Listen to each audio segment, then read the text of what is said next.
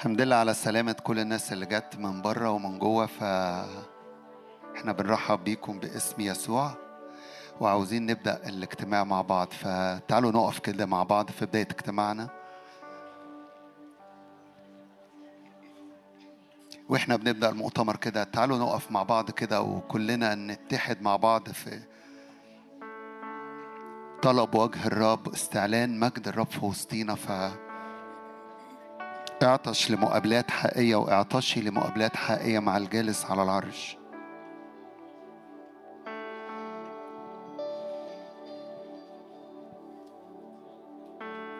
لم نأتي لمجرد اجتماعات أو مؤتمرات أتينا للقاءات مع الإله الحي. ف خد البوزيشن ده وانت واقف قول يا رب أنا جاي أقف قدام عرشك. أنت هو الإله الحي. حي هو الرب.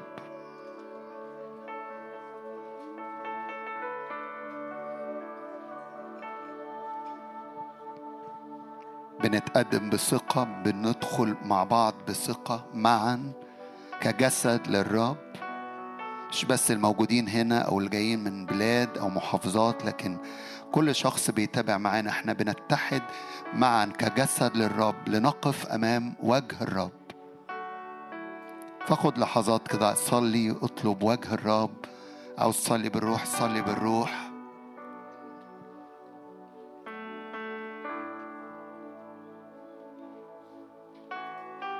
وإحنا واقفين عاوز اقرا من افسس واحد عدد 15 بولس الرسول بيقول كده.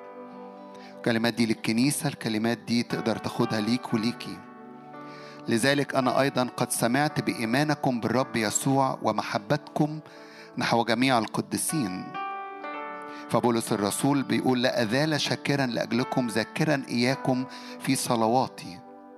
كي يعطيكم إله ربنا يسوع المسيح أبو المجد روح الحكمة والإعلان في معرفته. أنا أؤمن أن المعرفة بتاعتنا في هذه الأيام تزداد. معرفتنا لشخص الرب هو مين معرفتنا لمشيئة الرب في حياة كل واحد واحدة فينا هي إيه ومقاصد الرب لكنيسته في هذا الزمن. كي يعطيكم إله ربنا يسوع المسيح أبو المجد روح الحكمة والإعلان في معرفته. فإيه اللي يحصل؟ مستنير عيون أذهانكم لتعلموا ما هو رجاء دعوته ما هو غنى مجد ميراثه في القديسين لأن إحنا قديسي العلي. وما هي عظمة قدرته الفائقة نحونا نحن المؤمنين. حسب عمل شدة قوته الذي عمله فين؟ في المسيح إذ أقاموا من الأموات وأجلسوا عن يمينه في السماويات فوق كل رياسة وسلطان وقوة وسيادة وكل اسم يسمى ليست في هذا الدهر فقط بل في المستقبل أيضا وأخضع كل شيء تحت قدميه وإياه جعل رأسا فوق كل شيء لمين؟ لمين؟ يسوع رأس الجسد الكنيسة وكل حاجة تحت أقدام الرب وتحت أقدام الكنيسة. وإياها جعل رأسا فوق كل شيء للكنيسة التي هي جسد ملء الذي يملأ الكل في الكل. مرة تاني غمض عينك وارفع إيدك واعلن كده. أنا جسد الرب. فأنا مش جاي أقف لوحدي ولا أقف بضعفاتي أنا جاي أقف في وسط الجسد اللي الرأس بتاعه يسوع المسيح. أنا جاي أتحد بجسد الرأس بتاعه يسوع المسيح. وإحنا جايين نعبد اللحظات اللي جاية هنعبد هذا الاسم يسوع الممسوح. اللي اسمه فوق كل اسم فوق كل رياسة فوق كل سلطان فوق كل قوة فوق كل سيادة هو الأعلى.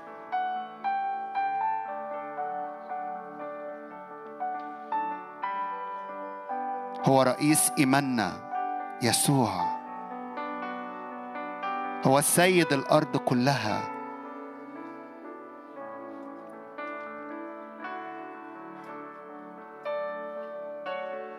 مقام من الأموات ويقيمنا. ادرك كده وانت بتتقدم قدام الرب إنك بنتقدم كجسد ككنيسة.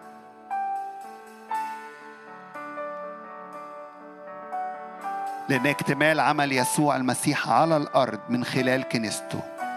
من خلال كل واحد واحدة فينا وأؤمن أنه في هذه الأيام أمور كتيرة شخصية تحسم. أمور كتيرة شخص مش بس شخصية لكن جماعية تحسم في محضر الرب. أخضع كل شيء تحت قدميه وإياك جعل رأسا فوق كل شيء للكنيسة. مش لأشخاص لكنيسة. فقول يا رب أنا بتحد بإخواتي أنا بتحد بالجسد. جسد يسوع على الأرض. النقلة جماعية والإختبار جماعي والوقوف جماعي كجسد للرب. نعم مستحق يا رب. اسمك مستحق. كل المجد وكل الإكرام. اعبد اعبد. خرج صوتك ونغم واعبد الرب. اعبدي الرب لأن الرب مستحق. الرب مستحق.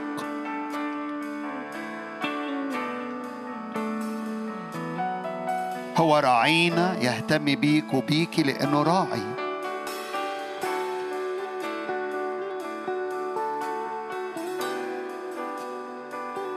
هو ملكنا يسود علينا لأنه هو الملك.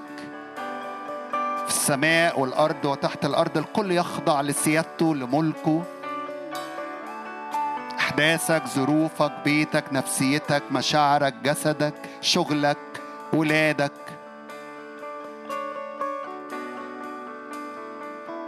بنرفعك. هللويا. ارفع ارفع الرب. ما أعظم اسمك يسوع ما أمجدك أوه. عاوز أديك لحظات كده أعبد أنت بكلماتك أعبد بالروح وبالحق أوه.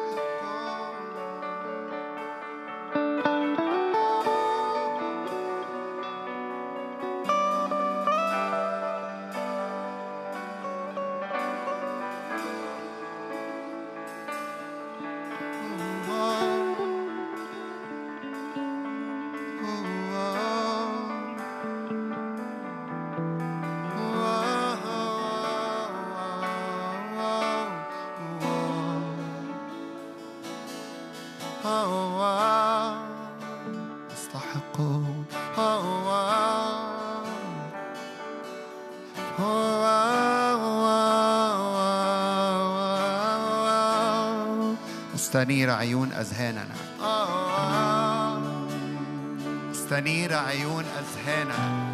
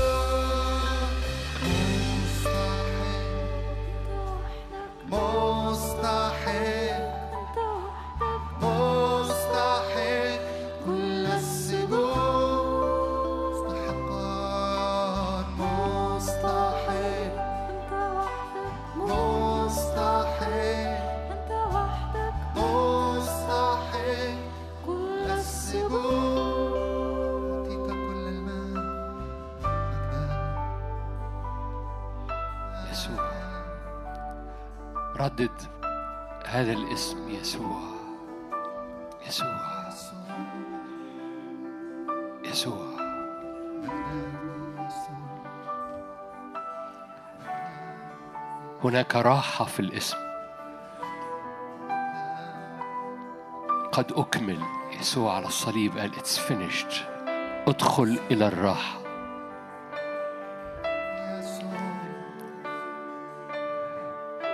يسوع قال قد أكمل وأسلم الروح. It is finished. كاتب العبرانيين قال ونحن المؤمنين ندخل إلى الراحة. لأنه قد أكمل العمل. من دخل إلى راحة الرب استراح من أعماله كما الرب أيضا من أعماله. ملقين كل همكم عليه. لتكون صاحب راحة. أراحهم الرب من كل جهة. فاستراحت الأرض أربعين سنة بعد دبورة. مجرد ارفع إيدك بإيمان وقول له يسوع أركض إليك أحتمي فيك. عونا في الضيق توجد لي شديدا. يسوع برج حصين. نعمة تزداد. مياه راحة مراعي خضر. دهن نازل من عرش النعمة في وسط الدوشة في وسط الأحداث في وسط الصراعات في وسط الإنزعاجات. هللويا. وقف يسوع في وسط السفينة وقال أسكت ابكم فحدث هدوء. وقفت الريح وتموج المياه. حدث سكون. في شاهد آخر يقول لك وصارت السفينة إلى الموضع الذي هم مزمعين أن يذهبوا إليه. أراحهم الرب من كل جهة. أراحهم الرب من كل جهة. هللويا. يسوع أنت مراعي خضر أنت مياه راحة.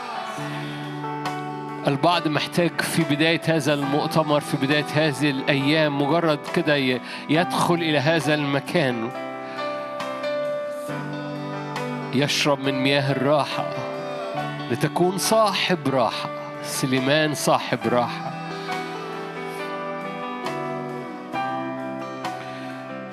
الروح القدس يسكت ليك الانزعاج.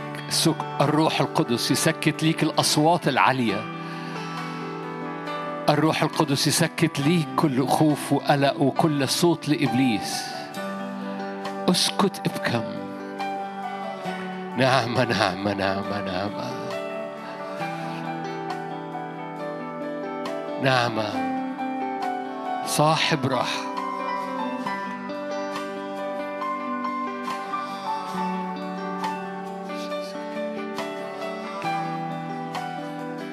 هللويا هللويا هللويا.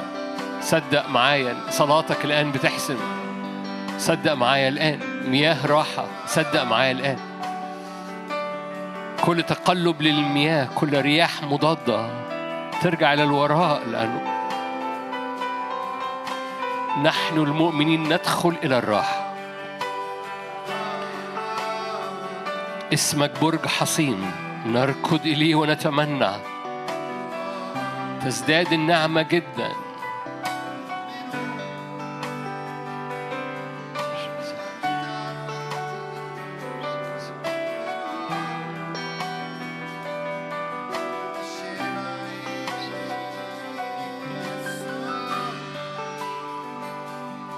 مياه شيلوه الجارية بهدوء. مياه الروح الجارية. نهر سباحة.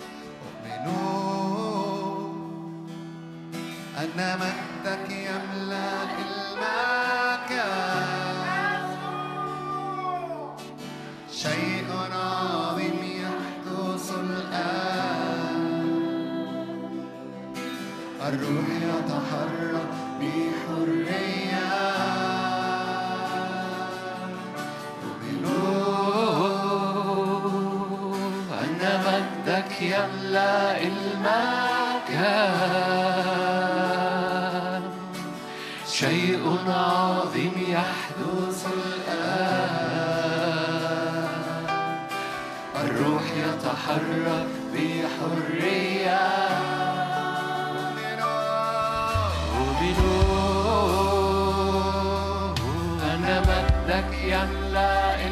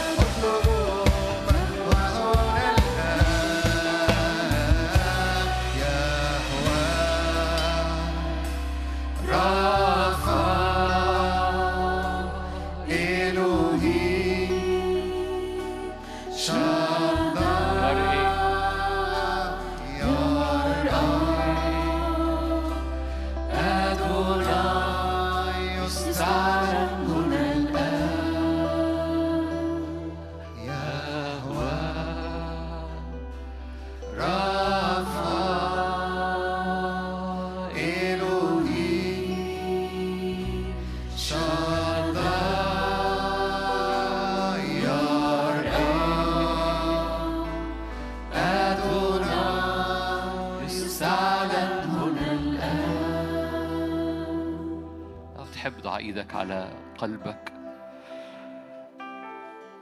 اعلن كده إن الهيكل بتاعك قدس للرب. اعلن الهيكل بتاعك. يمتلئ من حضوره حياته قوته شفاءه مسحته راحته مجده. كل ما في السماء يملأ الهيكل بتاعك. كما في السماء كذلك في الهيكل. مجرد ضع إيدك على القلب واعلن كده. سلام سلام سلام سلام. إله السلام يقدسك ويقدسك إلى التمام. ويحفظ روحك ونفسك وجسدك كاملة بلا لوم. فصلي سلام. سلام. سلام للنفس سلام للقلب سلام للجسد سلام للقلب سلام إله السلام نفسه يقدسك إلى التمام.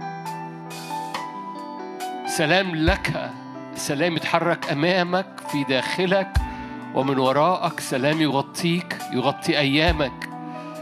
باسم الرب يسوع إله السلام نفسه يقدسك إلى التمام. يحفظ روحك ونفسك وجسدك. كاملة بلا لوم. إلى يوم مجيء ربنا يسوع. عهد الرب يغطيك عهد الرب يغطي أيامك ونفسك وذهنك. هللويا. أبويا السماوي تعالى املى هياكلنا واملى كل حد موجود أو بيستمع خلال هذه الأيام بزيارة خاصة من حضورك. في اسم الرب يسوع. في اسم الرب يسوع ليك كل المجد يا رب. آمين. آمين.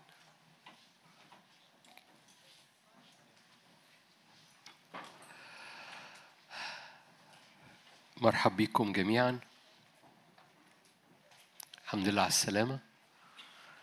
اللي جايين من بلاد أخرى هنرحب بيهم بكرة مع باقي الناس اللي جاية بكرة.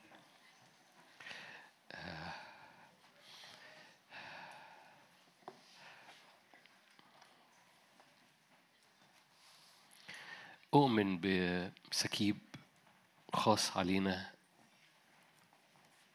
بصورة خاصة في بداية هذه السنة ده أول مؤتمر لينا في هذه السنة وأؤمن في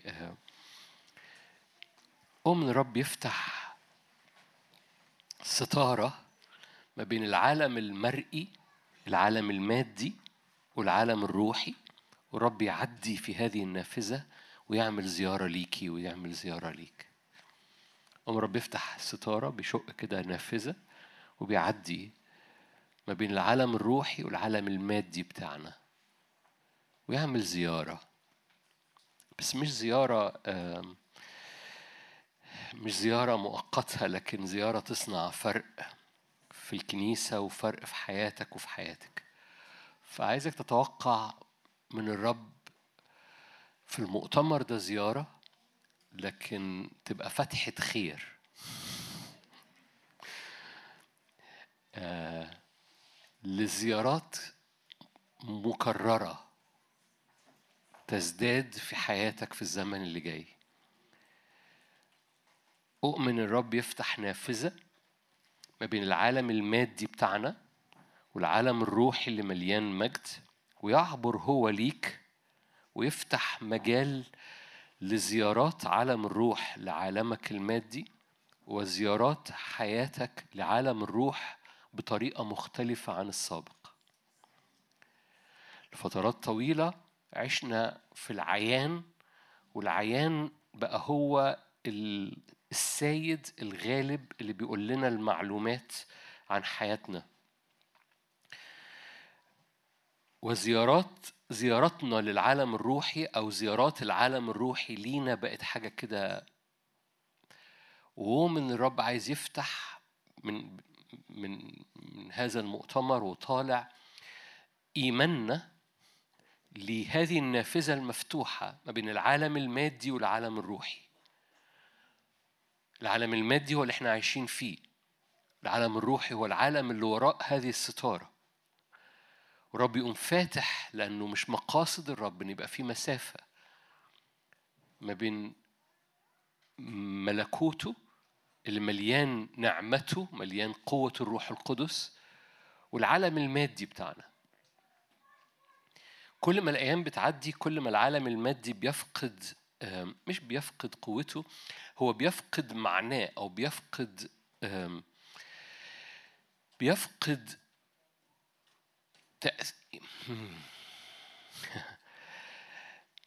بيفقد معناه لأي مؤمن. لو المؤمن بيعيش بحسب العالم المادي بيجد إن الأرض تحتيه مش صلبة. لأن العالم المادي بيفقد ثباته بيفقد أمانه بيفقد إنك تبقى ماشي على أرض صلبة. والحاجة الوحيدة الصلبة اللي ممكن تمشي عليها هو العالم الروحي اللي انت بتشعر ان هو مش صلب أو مش واقع أو مش قادر تحط رجلك عليه. القصة اللي دايما بحبها أو اللي أنتوا سم- بتسمعوني بقولها كتير على إبرام عايش في مدينة غنية أور الكلدانيين ناجحة وفيها تجارة ناجحة وكل حاجة ناجحة.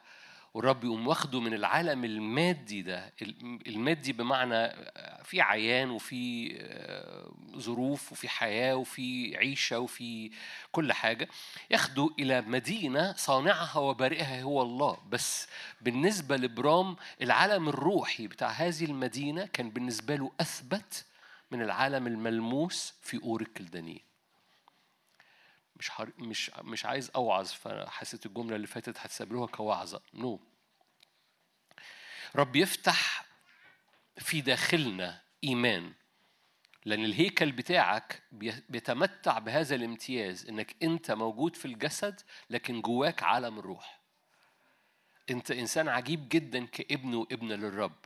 الروح القدس ساكن فيك.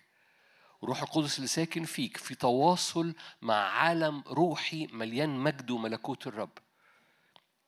فحضرتك وحضرتك عندك الصلاحية إنك تعبر بإيمان إلى عالم من الحضور الإلهي ويكون هذا العالم ثابت جواك واختبارك فيه عمال بيتكرر والرب يعمل زيارات وهنحكي نوع الزيارات دي خلال هذا المؤتمر. زيارات لحياتك وحضرتك تعمل زيارات للعالم الروحي ده بس بإدراك إنها مش مش حاجة طايرة في الهواء دي حاجة حقيقية وتقيلة جدا. هقول لك ليه بحكي كده مش عشان أعمل وعظة أو أعمل مشاركة أو نعمل مؤتمر لكن لأنه أحد سمات الزمن اللي جاي أو الزمن اللي بنخش عليه من المواجهات هو إن الدنيا وجها لوجه يعني العدو بقى هنا والرب عايز يبقى هنا. لأن ما ينفعش يبقى العدو في وشك كده من غير ما يبقى الرب في وشك كده. روح ضد المسيح بيزداد قو... مش قوته بيزداد اقترابه للبشرية وبيحط وشه في وش البشرية. روح ضد المسيح اللي هو بي بيأثر على حاجات كتيرة بيأثر على غير المؤمنين وبيأثر على المؤمنين. تقول لي ما ما بتقابلش مع روح ضد المسيح؟ أقول لك كل فكرة بتجيلك بتقول إن الصلاة ما جابتش نتيجة هو روح ضد المسيح. كل فكرة بتجيلك بتقول أنا مش حاسس بحضور ربنا في حياتي هو روح ضد المسيح.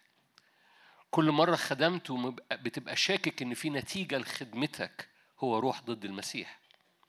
روح ضد المسيح هو الروح اللي بيأتي عشان يشككك في نتائج أي شيء بتعمله في الملكوت. روح ضد المسيح بيأتي علشان يشككك في نتائج أي حاجة بتعملها في الروح. روح ضد المسيح بيأتي علشان يدلق مية باردة على حقيقة عالم الروح على حقيقة إن الروح القدس والمدينة الإلهية هي أثبت أصدق مؤسسة أكتر من حياتك اللي في الأرض دي. لو قلت لك ح- حياتنا والأرض دي تراب هتقول لي آه. أقول لك أنت عارف أنت بتقول آه على إيه؟ أنت بتقول إن كل حياتك اللي أنت عمال بتعيشها وبتقلق عليها وبتبني فيها وب- وبت- وبتفكر فيها وبتفكر في المستقبل هي عبارة عن ولا حاجة. وفي نفس الوقت في حاجة أبدية ثابتة هتستمر ومكملة وشغالة وتقدر تحط كل رهانك عليها بس هي روحية. والحاجة دي مش بعيدة هناك الحاجة دي ساكنة جواكي. لو أنت بنت للرب وابن للرب الحاجة دي ساكنة جواك جدا. ومفتوح فيها إمكانيات كل ما في قلب الرب واستثمارات الرب. أودعها في ولاده. وبيأتي زمن بلاش بيأتي زمن دي. يأتي روح ضد المسيح ويقوم دالق مية باردة بتشكيك على كل حاجة بتعملها في عالم الروح. وفي نفس الوقت روح ضد المسيح بيفقدك الثقة في مستقبلك في الأزمنة في النتائج في كل حاجة جاية. بس بيحط لو جاز التعبير مناخيره في مناخيرك بيحط وشه في وشك كده. وكل ما الأيام بتعدي كل ما هذا الروح بيأتي بتأثيره على الكنيسة بصورة خاصة بسقوعية مش مش في الجو مش عشان الدنيا بتمطر النهارده لكن بسقوعية في الروح بسقوعية في الحرارة الروحية بإحساس إنه أنا بقطع مشوار طويل عشان عشان ألتحم مع نار حضور الرب وده روح ضد المسيح.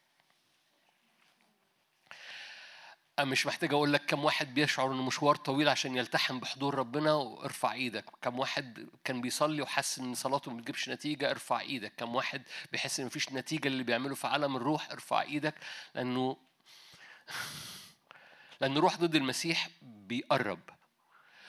والرب عمره ما بيدخلك في مواجهة مثل هذه أو مش مش هيدخل كنيسته في مواجهة مثل هذه إلا لما يصنع معاها حضور إلهي أقوى من هذه المواجهة. عشان كده الرب يحط وجهه في وشك.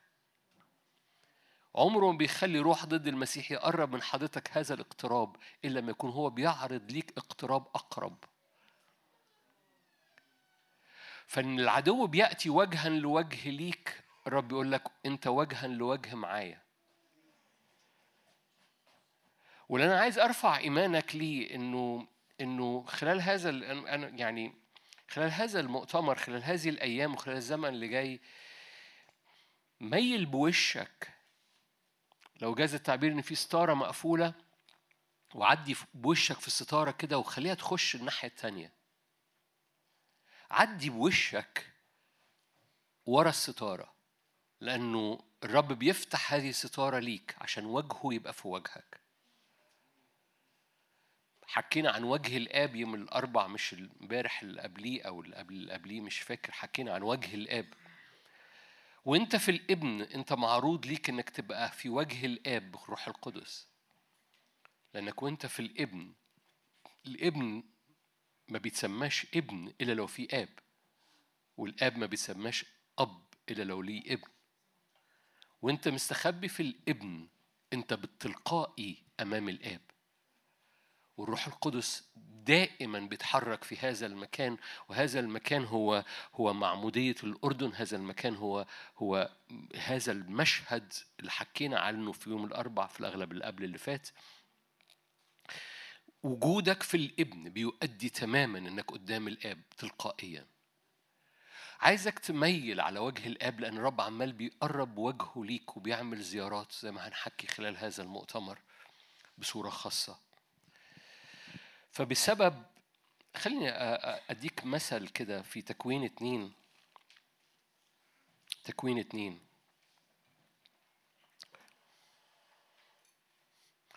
الرب يفتح الستارة. آمن إن الستارة بتتفتح والرب يعبر ليك من العالم الروحي للعالم المادي بتاعك وبيحط وجهه قدام وجهك خلال هذه الأزمنة. تكوين اتنين.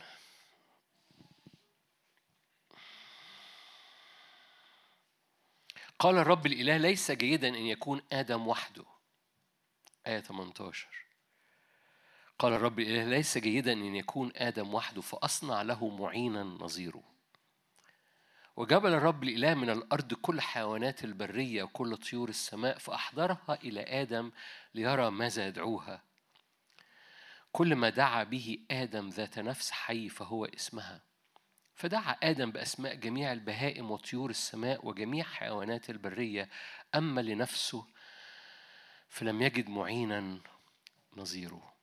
فأوقع الرب الإله سباتا على آدم فنام. أخذ واحدة من أضلاعه وملأ مكانها لحما وبنى الرب الإله الضلع الذي أخذها من آدم امرأة وأحضرها إلى آدم. فقال آدم هذه الآن عظم من عظامي ولحم من لحمي. تدعى امرأة لأنها من امرئ أخذت. أمين نقف هنا. آية 18 خليها على الشاشة. ليس جيدا أن يكون آدم وحده فأصنع له معينا. وهذه الكلمة الجميلة نظيره. نظيره لا تعني راس براس. نظيره يعني وجها لوجه. يعني ناظراه يعني تنظر لي. نفس الشكل نفس الشبه. خلي بالك إن آدم خلق على صورة الله. لكن مش بس آدم خلق على صورة الله الرب خلق آدم وحواء على صورة الله. صح؟ كشبهه كمثاله. Are you here? بس الآدم اتخلق الأول صح؟ آدم اتخلق على هذه الصورة وحواء اتخلقت نظيره.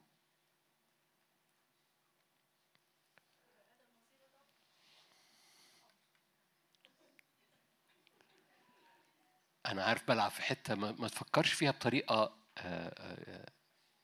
سكسست زي ما بيقولوا.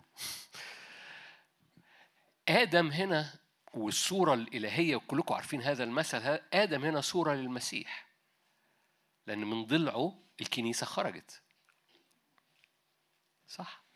من جنب يسوع المطعون الكنيسة خرجت. والكنيسة مدعوة إنها تكون ناظرة الابن يسوع عشان تبقى صورته على نفس الصورة.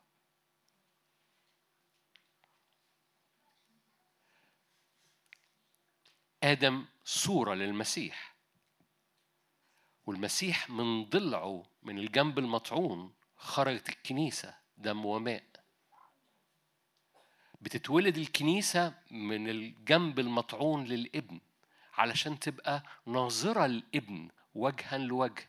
هنا هنا بنبقى على شبه الرب على صورة الرب. في وجه الابن الهوية الحقيقية الكود الأصلي الذكرى الإلهية اللي الرب حطها الكود اللي حطه جوه أرواحنا بيقوم مرة تاني في وجه الابن. فلما قال أنا أنا ببحث عن نظيره أنا ببحث عن نظير ابني اللي بيقف قدامه وجها لوجه عشان يبقى نفس الصورة. هخرج من قصة يسوع والكنيسة وهرجع مرة تاني لآدم وحواء. خدتش بالك إن في 18 ليس جيد أن يكون آدم وحده فأصنع له معينا نظيره؟ أنت بقى أدركت نظيره دي يعني مش مش يعني نظيره؟ لا نظيره يعني من نظر شايفاه عينها في عينه. إيه اللي وراها؟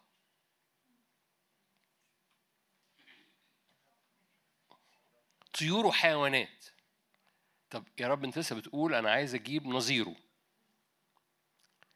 فجبل الرب من الأرض حيوانات البرية وكل طيور السماء وجابها لآدم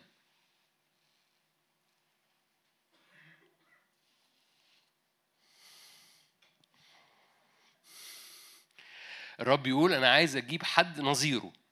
فجاب حيوانات البرية وجابها لآدم. لأن آدم محتاج يميز إن دي مش نظيره. فدعا آدم هذه الحيوانات بأسمائها. مي أطلق الأسماء على الحيوانات دي. وكل ما دعا آدم باسمه هكذا صار. أما نظيره فلم يجد. لأن لازم يأتي من جنبه. يا رب تنور. okay نورت okay.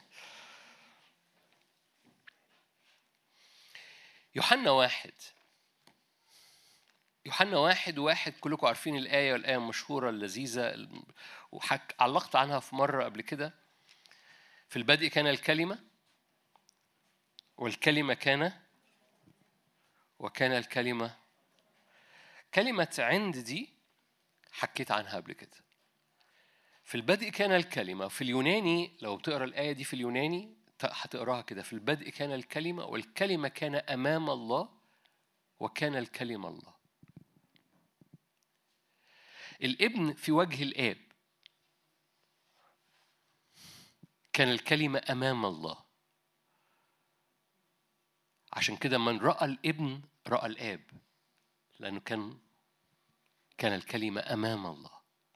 وكان الكلمة الله. فالكلمة أمام الله وحضرتك أمام الكلمة أو أمام الابن. ناظره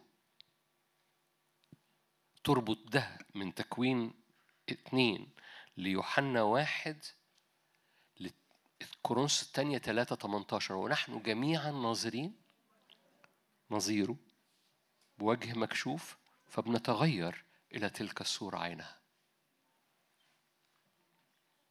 مقاصد الرب إنه يعمل زيارات لكي تنظر في الرب أمور لم تنظرها من قبل لأن مقاصد الرب إنه ينقل زياراته التقيلة على حياتك بطريقة مختلفة.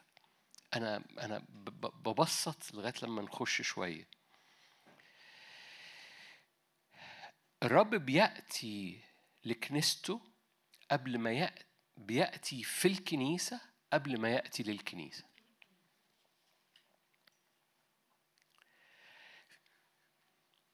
تؤمنوا إن في حاجة اسمها المجيء التاني؟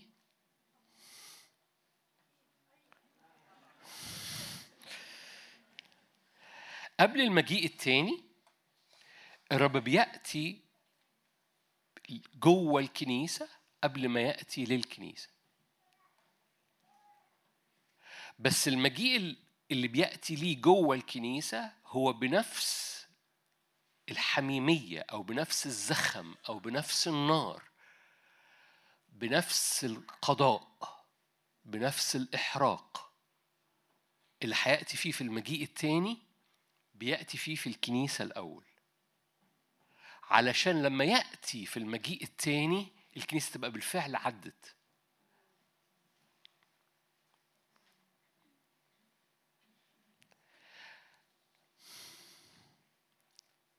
هقول جملة وأنا عارف هتعمل لي مشاكل. عدم استعدادنا لإنه يأتي فينا بيؤجل مجيئه التاني. لأنه لو جه في الكنيسة بدون ما الكنيسة تبقى مستعدة لاستقباله بيأتي المجيء التاني والكنيسة بتتلخبط في المجيء التاني. قبل ما يأتي المجيء التاني الرب بيأتي بناره بتقديسه بإحراقه وبقضائه وباقترابه الناري جوه الكنيسة قبل ما يأتي للكنيسة. عشان لما يأتي المجيء التاني الكنيسة تبقى جاهزة عدت بالنار وعدت بالتعاملات وعدت بالقداسة وعدت بالإحراق وعدت بالحضور الإلهي فتعبر. تقول لي جبتها من فين؟ أقول لك افتح معايا ملاخي. أنتوا هنا؟ أوكي أنا أنا بادي على هادي. ده كده هادي. ملاخي ثلاثة ملاخي ثلاثة أنا أرسل ملاكي. فيهيئ الطريق أمامي. دي بفور ويأتي بغتة. ده مش الملاك ده بقى السيد. ويأتي بغتة إلى هيكله. خلي بالك هيكله نحن. ويأتي بغتة إلى هيكله. السيد الذي تطلبونه. ملاك العهد الذي تصرون به. هو ذا يأتي؟ قال رب الجنود. من يحتمل يوم مجيئه؟ من يثبت عند ظهوره؟ تقولي ده المجيء التاني؟ أقول لك استنى. لأنه مثل نار الممحص مثل أشنان القصار فيجلس ممحصا ومنقيا للفضة. ده مش ده مش مجيء يسوع الأولاني خلي بالك. لأنه أنا أرسل ملاك في الطريق أمامي اتقالت ده ده ده يوحنا المعمدان اللي جاء قدام يسوع. بس خلي بالك ده تكملة الآيات دي مش بتتكلم عن مجيء يسوع الأولاني. فهقرأ لك مرة تاني. أرسل ملاكي فيهيئ الطريق أمامي ويأتي بغتة إلى هيكله السيد الذي تطلبونه. وهيكله نحن. ملاك العهد الذي تسرون به هو ذا يأتي قال رب الجنود من يحتمل يوم مجيئه؟ من يثبت عند ظهوره؟ لأنه مثل نار الممحص مثل أشنان القصار. فيجلس ممحصا ومنقيا للفضة. فينقي بني لاوي دول الخدام يعني أو القريبين للرب. مش الخدام الخ... دول اللي جوه الهيكل. حد هنا جوه الهيكل؟ كلكم جوه الهيكل بلا استثناء. فينقي بني لاوي ويصفيهم كالذهب والفضة ليكونوا مقربين للرب تقدمة بالبر علشان كل حاجة بيعملوها في الهيكل تبقى مقبولة مقدمة للرب كتقدمة للبر. فتكون تقدمة يهوذا وأورشليم اللي هم أولاد الرب مرضية للرب كما في أيام القدم كما في السنين القديمة. فبيحكي عن حاجة بعد كده بعد ما يعمل هذه الزيارة ويأتي إلى هيكله ويصفيهم كالذهب والفضة تكون خدمتهم مقبولة قدامه. Are you here? إذا دي زيارة جوه الكنيسة قبل ما يأتي في المجيء التاني. ده بيأتي لولاده بيقدسهم قبل ما يجي لهم قبل ما يجي للعالم. بيأتي جوه الهيكل قبل ما يجي للعالم. عارفين الآيات المشهورة بدء القضاء من بيت الرب؟ يعني بيأتي جوه بيت الرب قبل ما يأتي للعالم.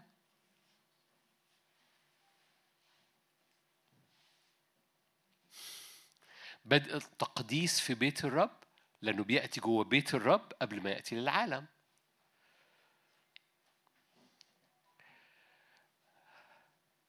أنتوا جمال. عارفين في آخر سفر الرؤيا لما قال الروح والعروس يقولان إيه؟ تعال ده المجيء التاني؟ آه هي جاية على المجيء التاني بس هو عمال يجي هنبص مع بعض أنا سبقت نفسي لكن خلي بالك إنه هوريك القصة إن رب عمال بيأتي بحضوره جوه الكنيسة ومنتظر إن الكنيسة تشتاق لهذا الحضور اللي هو بيعمل زيارة أنا بختار كلماتي. بيعمل زيارة مليانة مهابة مليانة تحول في طبيعتنا عشان يعدنا للنار اللي جاي يغير طبيعتك عشان ايا كان نوع المواجهة اللي جاية. حضرتك بتع... بتعبر ب- بقوة عالم الروح في العالم المادي.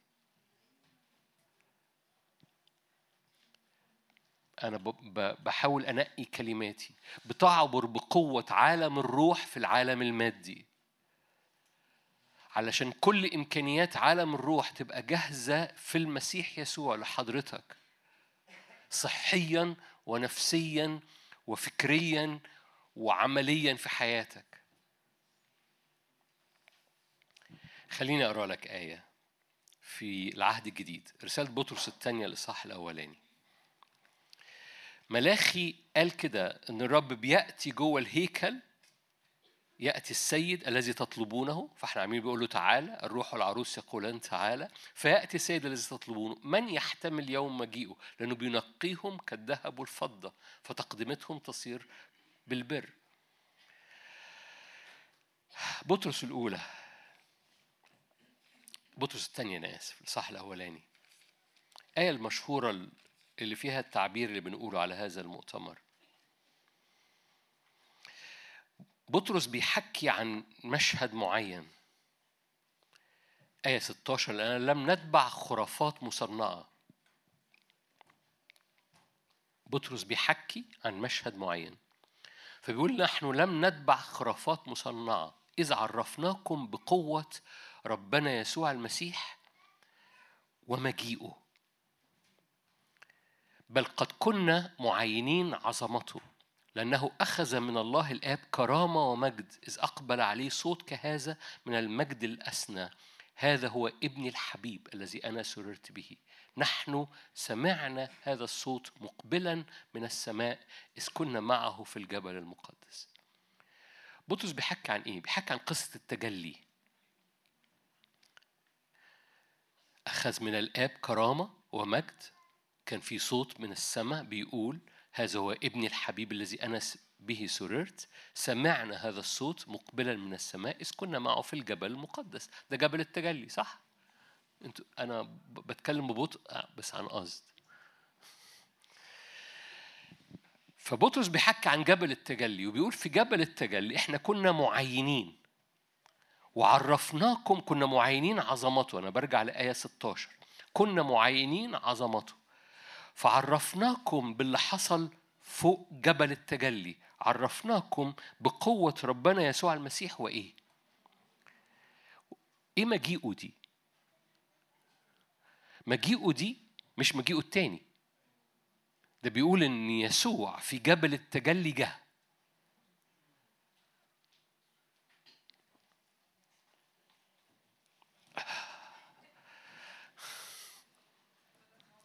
عرفناكم بقوة ربنا يسوع المسيح. حكينا لكم على اللي حصل في جبل التجلي وسمعنا الصوت هذا هو ابني الحبيب به سررت وشاورنا لكم عليه.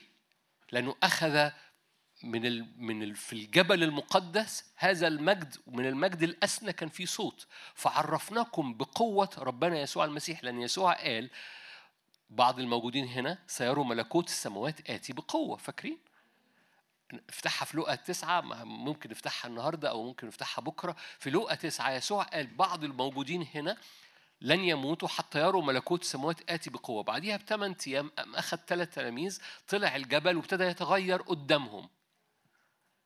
هنبص على لقا تسعة يقول لك كانوا وظهر موسى وإيليا كانوا يتكلموا عن حاجة عجيبة قوي اسمها خروجه. ولما تقرأ خروجه دي في اليوناني في الكلمة اليونانية هي الإكسودس. الإكسودس يعني سفر الخروج. كانوا بيتكلموا عن حاجة اسمها خروج هيحصل ليسوع.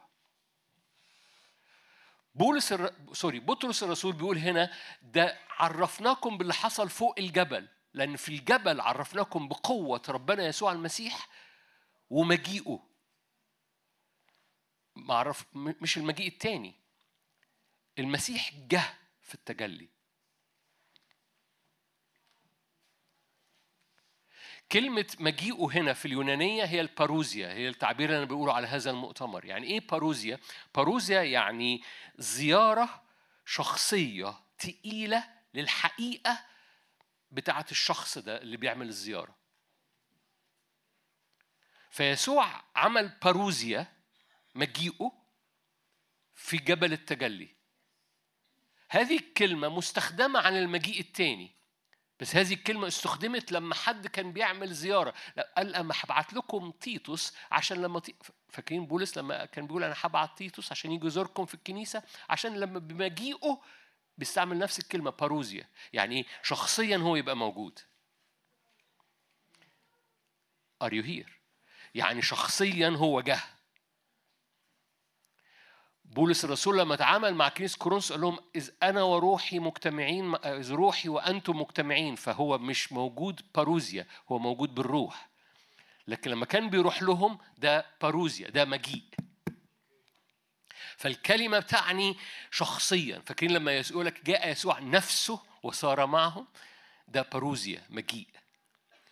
فيسوع اللي كان موجود مع التلاميذ فوق جبل التجلي ابتدى هيئته تتغير جه.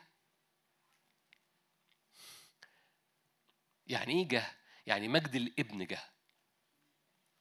يعني الصورة الأصلية للابن جت. يرون ملكوت السماوات آت بقوة، فعرفناكم بقوة ربنا يسوع المسيح ومجيئه لأنه جه في جبل التجلي.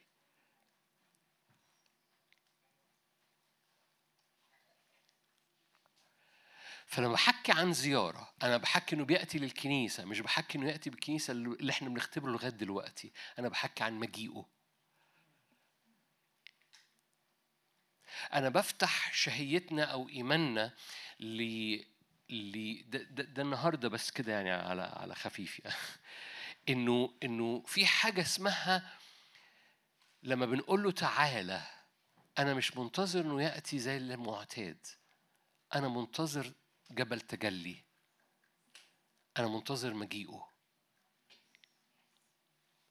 لما هنبص هلف معاك في الكتاب المقدس في حبة شواهد النهارده كده مقاصد الرب هو موجود طول الوقت بس مقاصد الرب إنه يقعد يجي ويجي بزيارات تقيلة مرة ومرة ومرة ومرة على حياتك وعلى أوضتك بطريقة مش المعتادة بتجلي.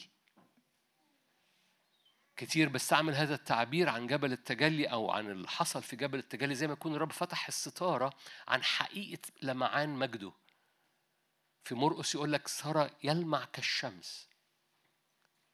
من كتر المجد بالمناسبة ده اللي خلى بطرس وباقي التلاميذ يناموا.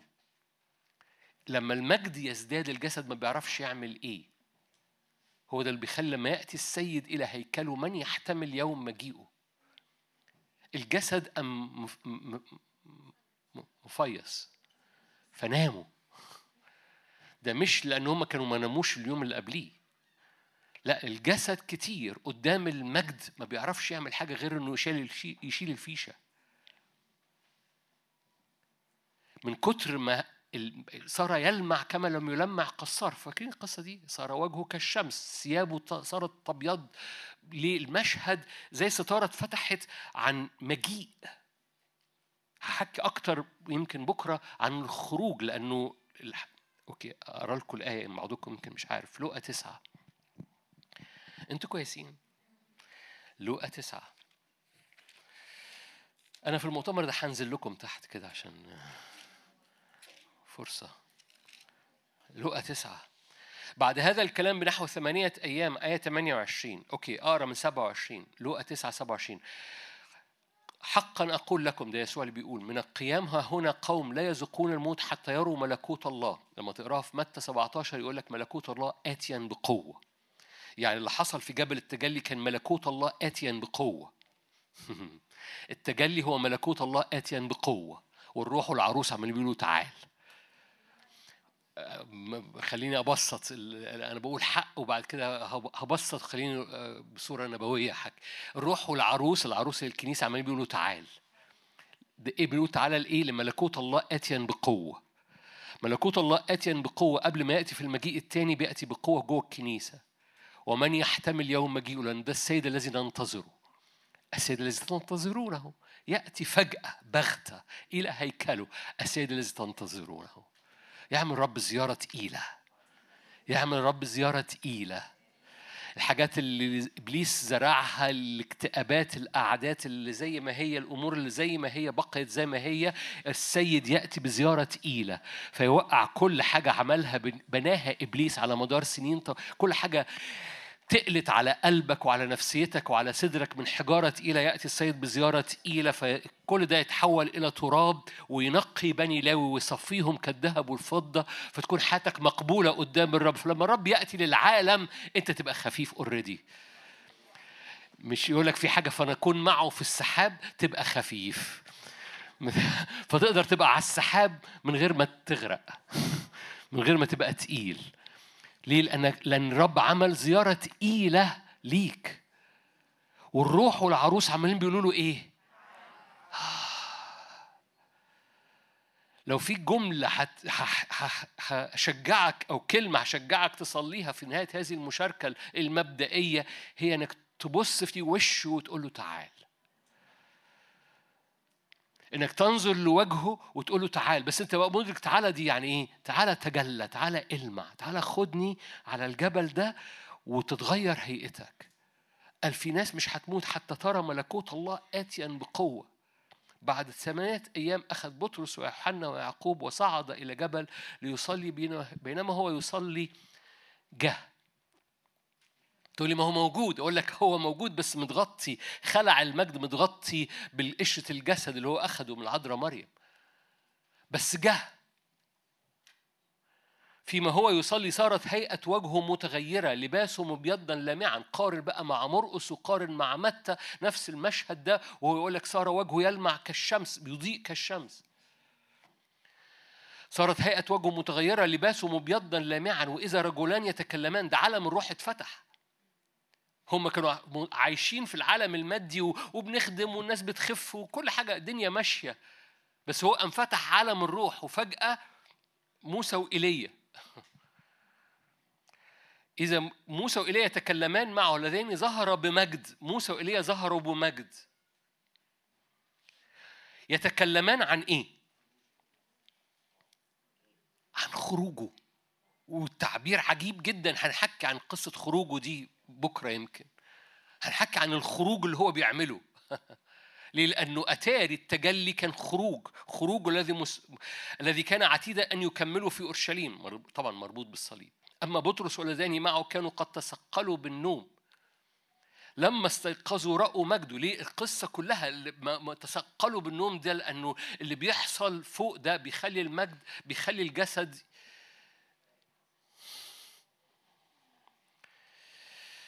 رأوا مجد والرجلين الواقفين معه. عشان كده بطرس في رسالة بطرس قال إحنا عرفناكم إحنا شفنا قوته ومجيئه فوق الجبل. أذكركم هو قال أنا إحنا وعرفناكم بقوته ومجيئه اللي شفناه فوق الجبل. فاللي إحنا بنقراه ده كان مجيئه. مجيئه للكنيسة أو مجيئه في الكنيسة قبل ما يأتي في مجيئه التاني. والروح والعروس عمالين بيقولوا تعالى علشان هو عمال بيجي. لما هبص معاك أنا لسه ما مشيتش معاك الرحلة أنا رحت الرؤى تسعة عشان عشان وشكم كان خاضدني شوية. عشان أذكركم بقصة أنتوا عارفينها بس مجرد. إنه إنه القصة إن هو طول الوقت مقاصد الرب اللي موجود طول الوقت في حياة ولاده كل شوية بيبقى عايز يعمل مجيء. ولما هتبص معاه في كتاب مقدس هلف معاك في كتاب مقدس لأن كل شوية الرب يقوم عامل مجيء.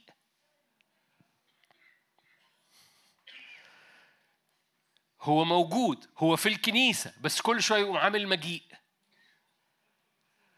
النهاردة هحكي على إيماننا وإن نقول له تعالى بس بكرة هحكي عن عن مجيئه لما ككنيسة تتواجد في مجيئه.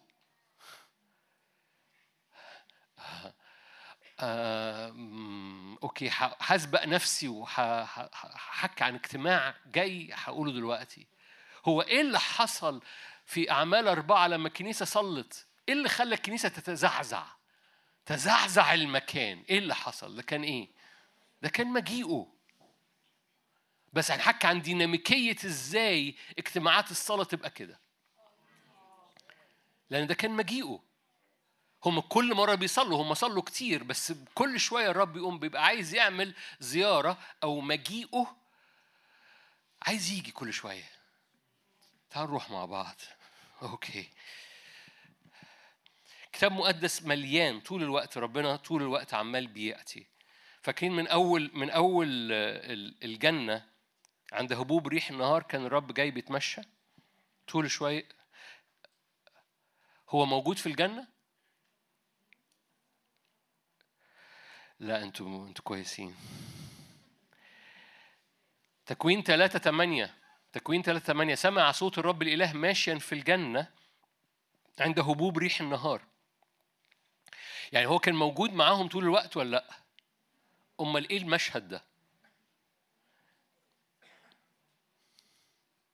يعني هو معاهم طول الوقت ولا لأ؟ أمال إيه بيتمشى عند هبوب ريح النهار؟ دي زيارة. يعني هو موجود هم هم معاه في الجنة طول الوقت. بس عند هبوب ريح النهار وهنحكي عن هبوب الريح حالا أو بعد شوية كان في زيارة خاصة. والزيارة الخاصة دي عن قصد لأن الرب جاي بيقول له آدم أين أنت؟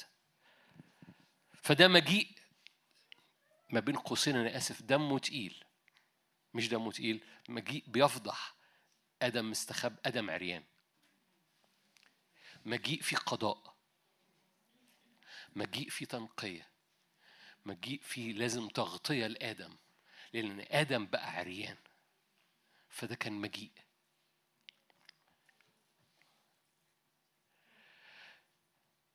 أوكي. أنا أنا عارف دي أول ليلة بس أنا هو الرب معاهم في الجنة طول الوقت؟ أمال إيه دي؟ ده مجيء. ليه المجيء ده حصل؟ عشان آدم بقى عريان. هذا المجيء بيتعامل مع عري آدم.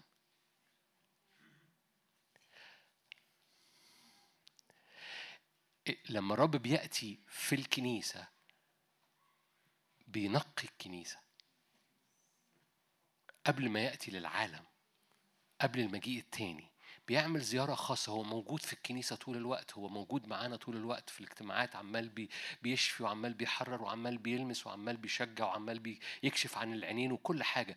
بس بس وماشي مع التلاميذ ثلاث سنين بس بيقوم واخدهم في مرة ويعمل زيارة. عرفناكم بقوة المسيح ومجيئه فوق جبل التجلي. فعمل المجيء إيه اللي حصل في هنا في الجنة؟ حصل مجيء. ما هو كان موجود. آه بس هنا ده مجيء. كان بيتمشى عند هبوب ريح النار. أنتوا لسه هنا؟ أوكي تعالوا نروح للشاهد اللي وراه. أنا مجرد همشي معاك كتاب مقدس إن كل شوية ربنا عايز بيعمل إيه؟ بيعمل زيارة. تكوين 18 أنتوا هنا لسه مش كده؟ أخونا في تكوين 18 ده صح مشهور أنتوا عارفينه. إبرام كان قاعد على باب الخيمة فاكرين؟ ربنا عمل إيه؟ جه. ظهر له الرب عند بلوطات ممرة وهو جالس في باب الخيمة وقت حر النهار فرفع عينيه ونظره إذا ثلاثة رجال واقفين لديه. إيه ده؟ ده مجيء. إبرام بيعبد الرب؟ بيعبد الرب. بس إيه اللي حصل في تكوين 18 ده مجيء. أما عدي شخصيا. وإبرام قام مسك فيه اقعد وعمل عمل وليمة وأكل. والملاكين طلعوا على سدوم وعمورة أما برام فضل واقف قدام الرب ويقول له لو في خمسين لو وصل معانا فيها عشرة في سدوم وعمورة إيه اللي حصل ده؟ ده زيارة ده مجيء وهذا المجيء عمل إيه؟ خلى خلى خلى إبرام يأتي بابن وخلى إبرام يقف في القصد بتاعه فإبرام وقف من أجل سدوم وعمورة من أجل الأمم وفي نفس الوقت سارة أصبحت أم هذا المجيء عمل حاجة جوه هذه الخيمة غيرت أجواء الخيمة كلها ليه؟ لأن كان ده مجيء ده مش العادي ده مجيء. ففي الجنة في تكوين ثلاثة كان مجيء. في تكوين 18 ده مجيء. ملوك الأول 19 أنا بلف معاك في ال... ال... إن الرب طول الوقت عمال بيجي. بس عمال بيجي زيارات خاصة ده مش ال... مش ال... مش العام ده زيارة خاصة. ملوك الأول 19 كلكم عارفين الشاهد لما إيليا هرب من أجل نفسه. فاكرين؟ ملوك الأول 19 هقرأ بس الشاهد بسرعة. ملوك الأول 19 وآية 12 إذا الرب عابر. آية 11 قال اخرج وقف على الجبل أمام الرب وإذا بالرب عابر. ريح عظيمة شديدة شقت الجبال كسرت الصخور أمام الرب. لم يكن الرب في الريح بعد الريح زلزلة. لم يكن الرب في الزلزلة بعد الزلزلة نار. لم يكن الرب في النار بعد النار صوت منخفض خافت.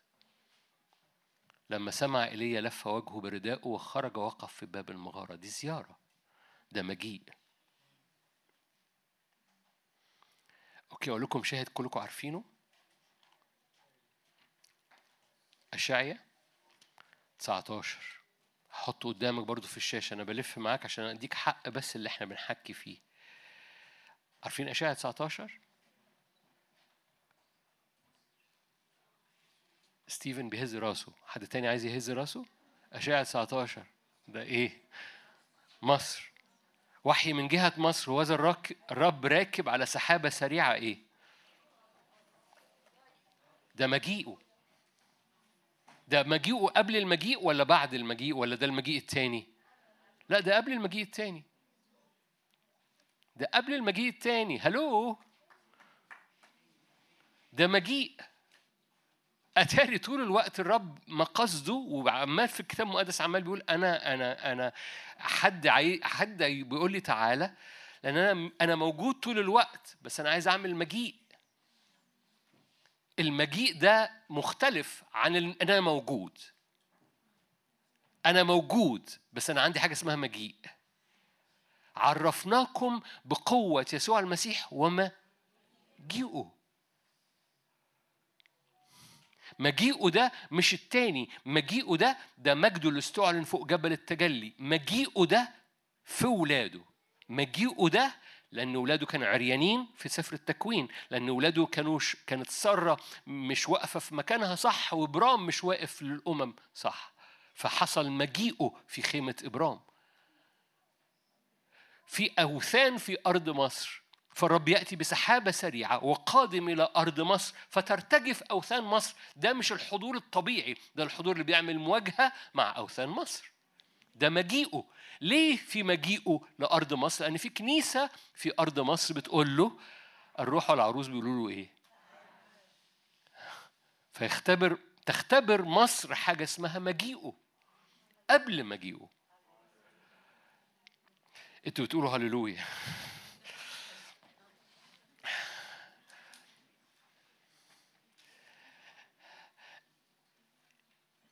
ده شاهد مش لذيذ. ده شاهد يخلي عارفين يعني إيه؟ أوثان مصر موجودة وساكتة. مجيئه بيطلع لها حس.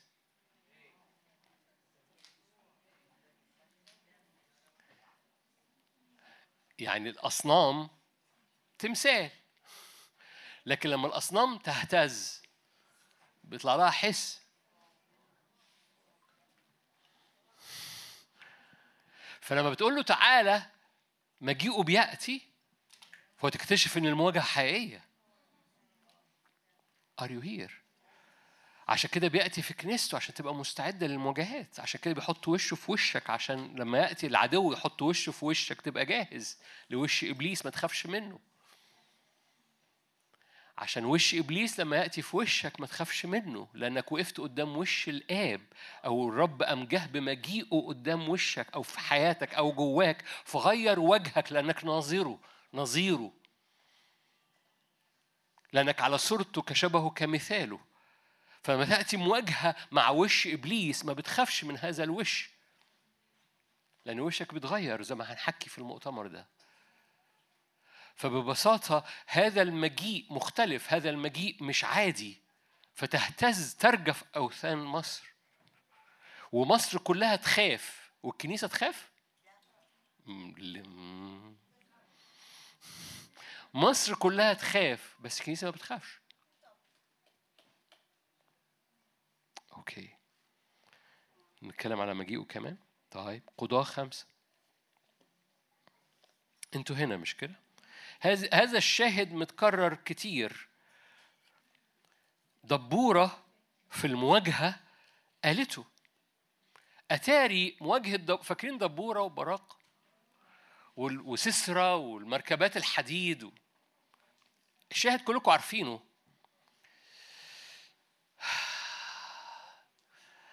أنا للرب أترنم أزمر للرب إله إسرائيل. صح خمسة آية أربعة. يا رب خروجك من سعير بصعودك من صحراء أدوم. الأرض ارتعدت السماوات قطرت السحب قطرت ماء تزلزلت الجبال من وجه الرب. سينا هذا من وجه الرب إله إسرائيل. إيه الترنيمة دي؟ الترنيمة دي ترنيمة عن الرب الذي جاء من سعير وتلألأ من فران. الترنيمة دي متكررة. موسى قالها في سفر التثنية. دبورة قالتها في قضاة خمسة. حبقوق قالها في حبقوق ثلاثة الله جاء من سعير. دي إيه؟ ده مجيء.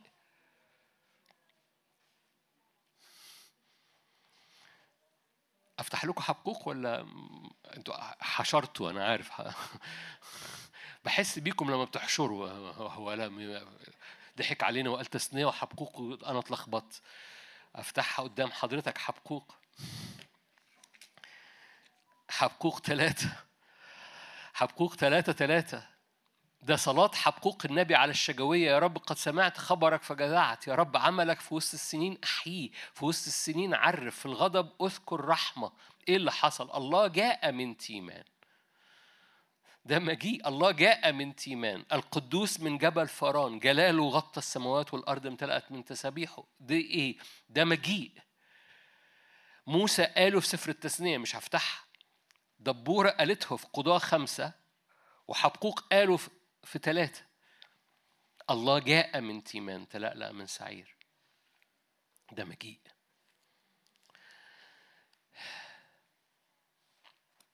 في العهد الجديد يسوع جه عمل مجيء. المجيء ده في التجلي. عرفناكم بقوة المسيح وإيه؟ ومجيئه. حلو قوي. رؤية واحد.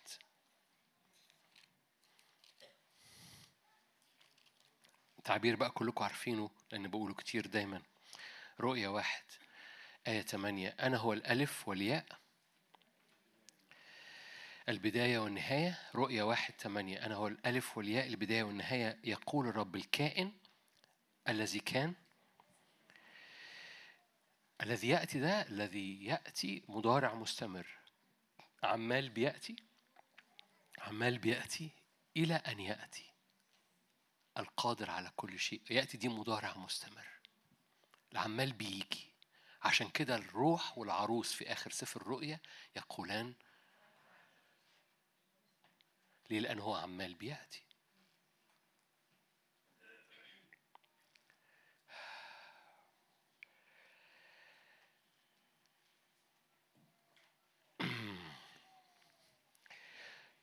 عطشنا في هذه الليلة في بداية المؤتمر ده إن هنقف بعد دقايق هنقول له عمال تعالى. تعالى دي بتحسم حاجات كتيرة قوي تعالى دي زيارة خاصة. الزيارة الخاصة دي هتفاجأ بيها في أوضتك هتفاجأ بيها في أحلامك هتفاجأ بيها في بيتك هتفاجأ بيها في مرة وأنت بتاخد خلوتك إنها تحصل زيارة عميقة لحضور ربنا في حياتك.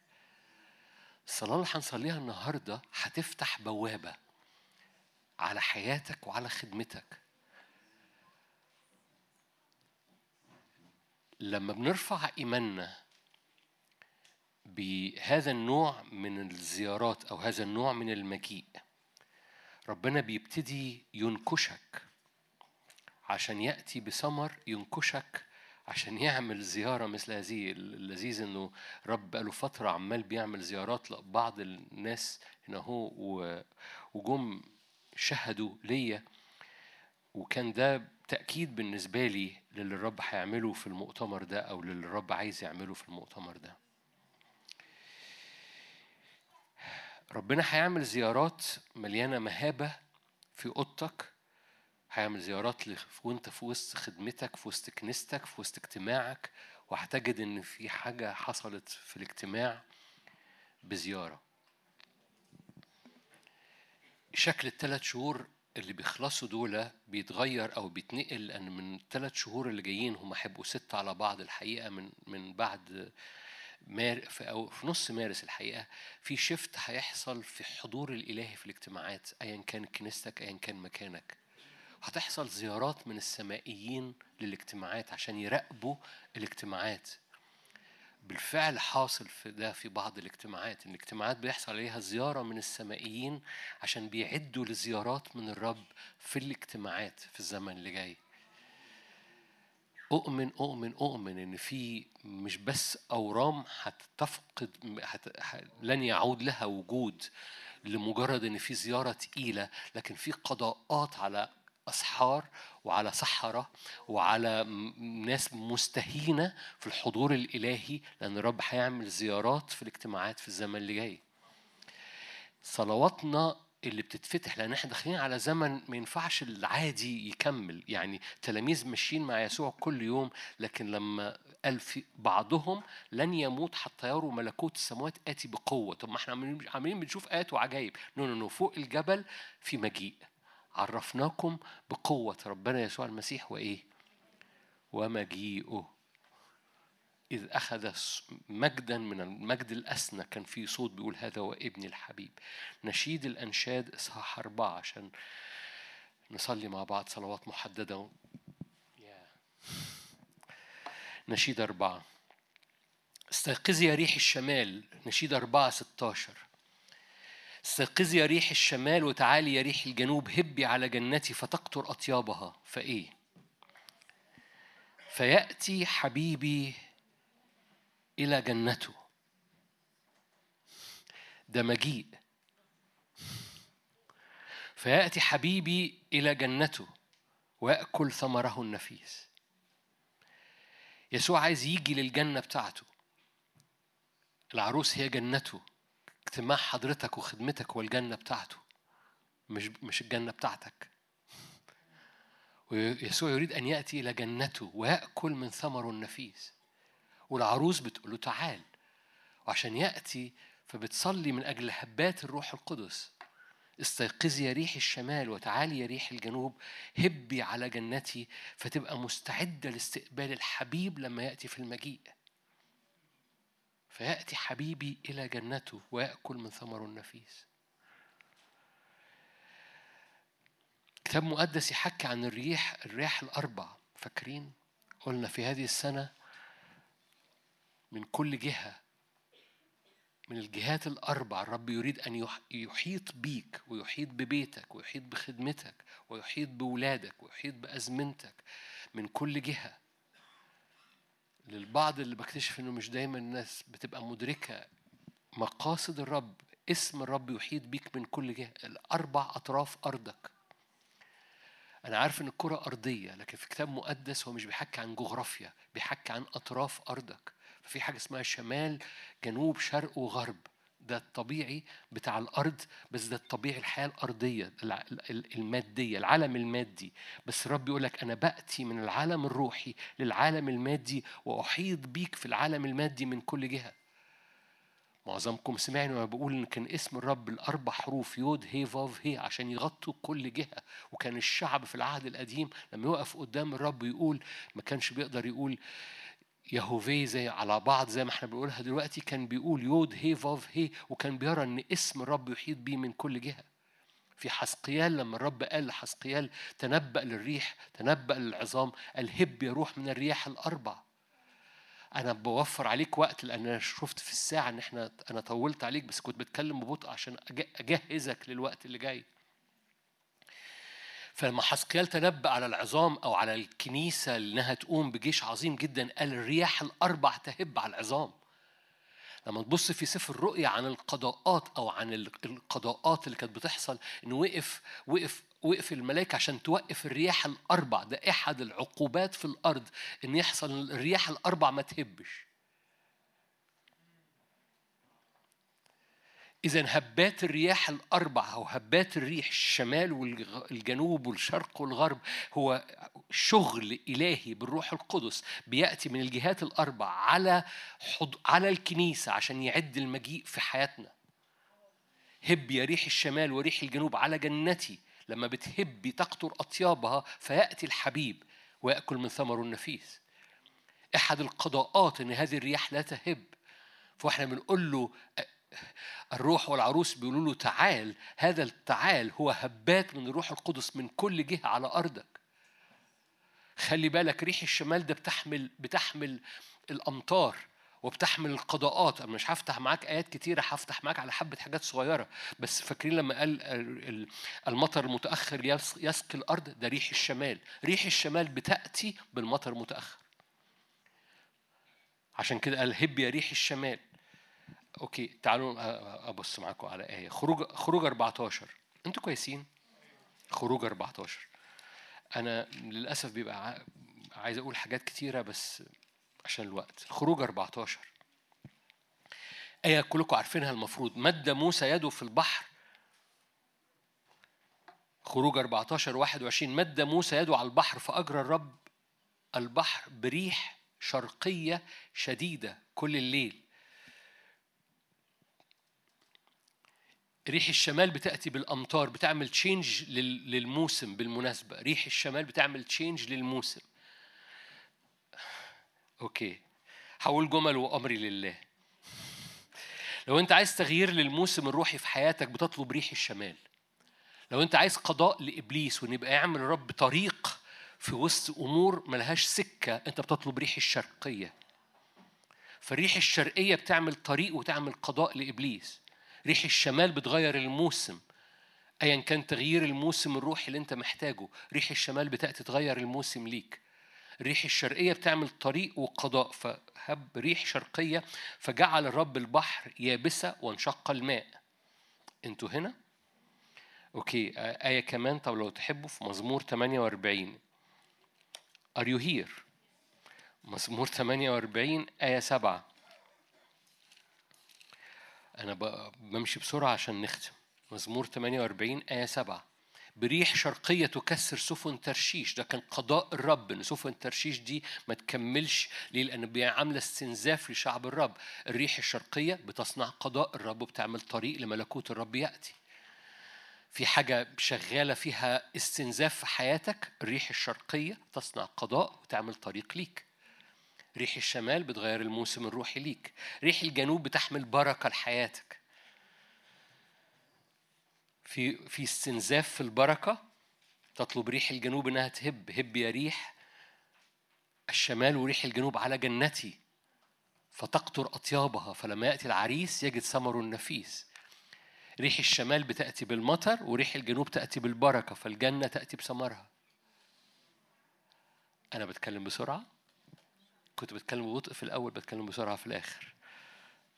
فريح الشمال تأتي بتغيير الموسم وريح الجنوب تأتي بالبركة. تقول لي هي كده يعني physical كده؟ أقول لك لا هي القصة العالم المادي بيحصل له زيارة من عالم الروحي. هب يروح من الرياح الأربع على العظام اليابسة فيخرج جيش. are you here الرياح الأربع هي الشمال الجنوب الشرق الغرب. فالريح الشرقية بتصنع قضاء وتعمل طريق الريح الشمالية بتغير الموسم تصنع أمطار الريح الجنوبية بتحمل بركة. okay مزمور 78 مزمور 78 أنتوا لسه هنا؟ okay. مزمور 78 آية 26 أهاج شرقية في مزمور 78 آية 26 أهاج شرقية في السماء ده ريح شرقية. وساق بقوته ريح جنوبية فأمطر عليهم لحما مثل التراب وكرمل البحر طيورا ذوات أجنحة. فالريح الجنوبية أخذت باللحم ورمته عشان شعب الرب يأكل في البرية. Are you here؟ فريح الشرقية غيرت الأجواء وعملت قضاء على أرواح الشر والريح الجنوبية جت بالبركة. جمال عشان الوقت سفر الخروج خروج عشرة. أنا بقلب معاك. خروج عشرة ونختم. خروج عشرة آية 19 فاضل إيه؟ الريح الغربية. أوكي خروج عشرة آية 19 خرج موسى من لدن فرعون وصلى إلى الرب. آية 18 فرد الرب ريحا غربية شديدة جدا فحملت الجراد وطرحته إلى بحر صوف لم تبقى جرادة واحدة في كل تخوم مصر. الريح الغربية تأتي بمراحم على كل استنزاف في حياتك. فتطرد كل جراد بيستنزف. أذكرك بالآية مش هفتحها. هب يا ريح من الرياح الأربع أحد القضاءات إن الملائكة وقفت وقفلت الرياح دي إنها تهب.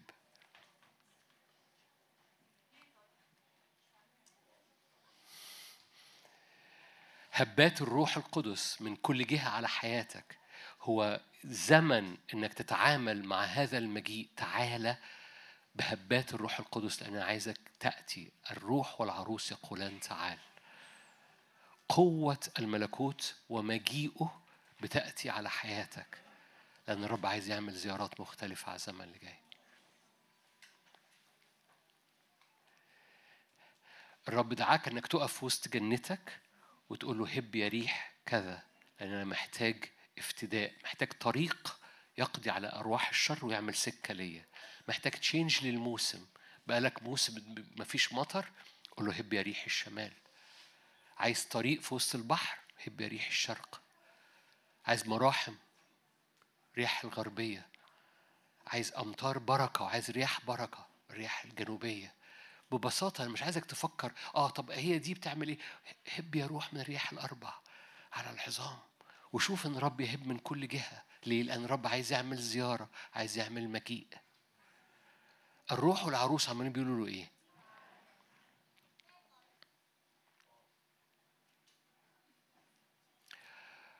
أنا أنا ختمت التعليم وعايز أمهدك للصلاة.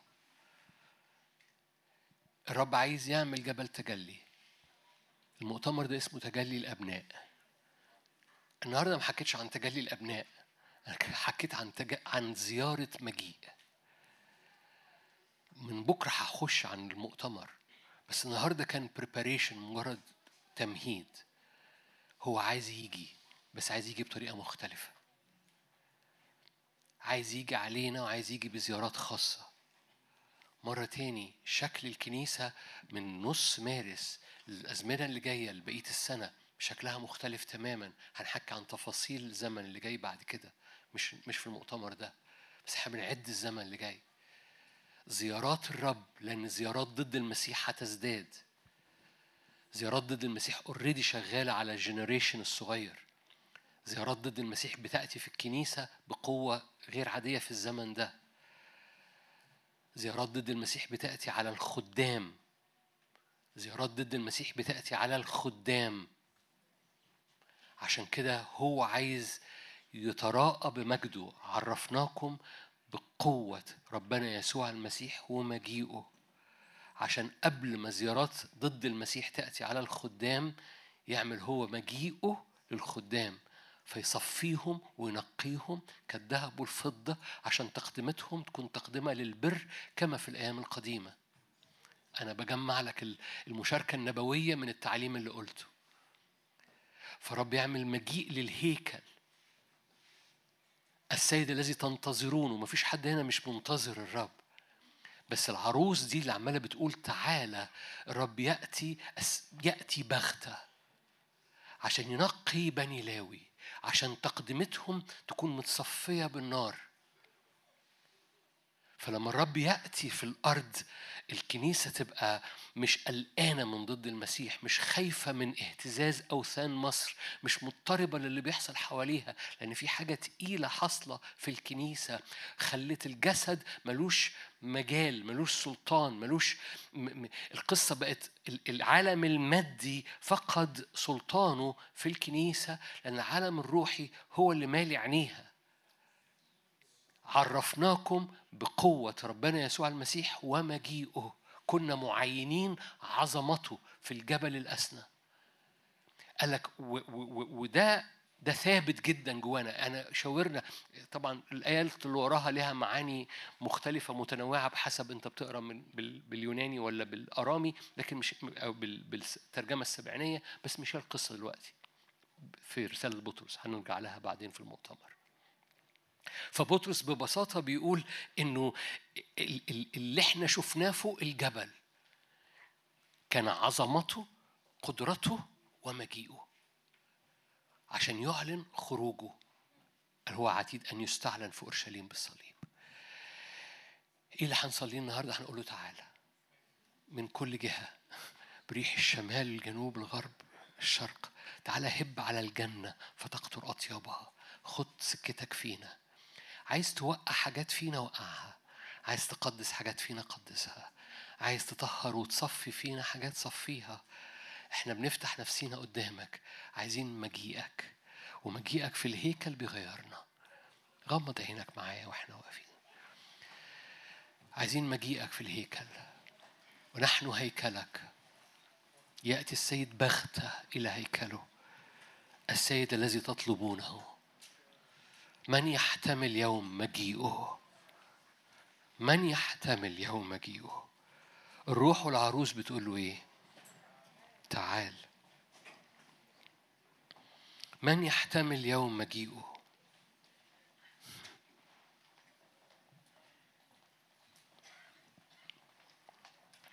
خلي بالك في رياح بتقضي على أرواح الشر. في رياح بتقضي.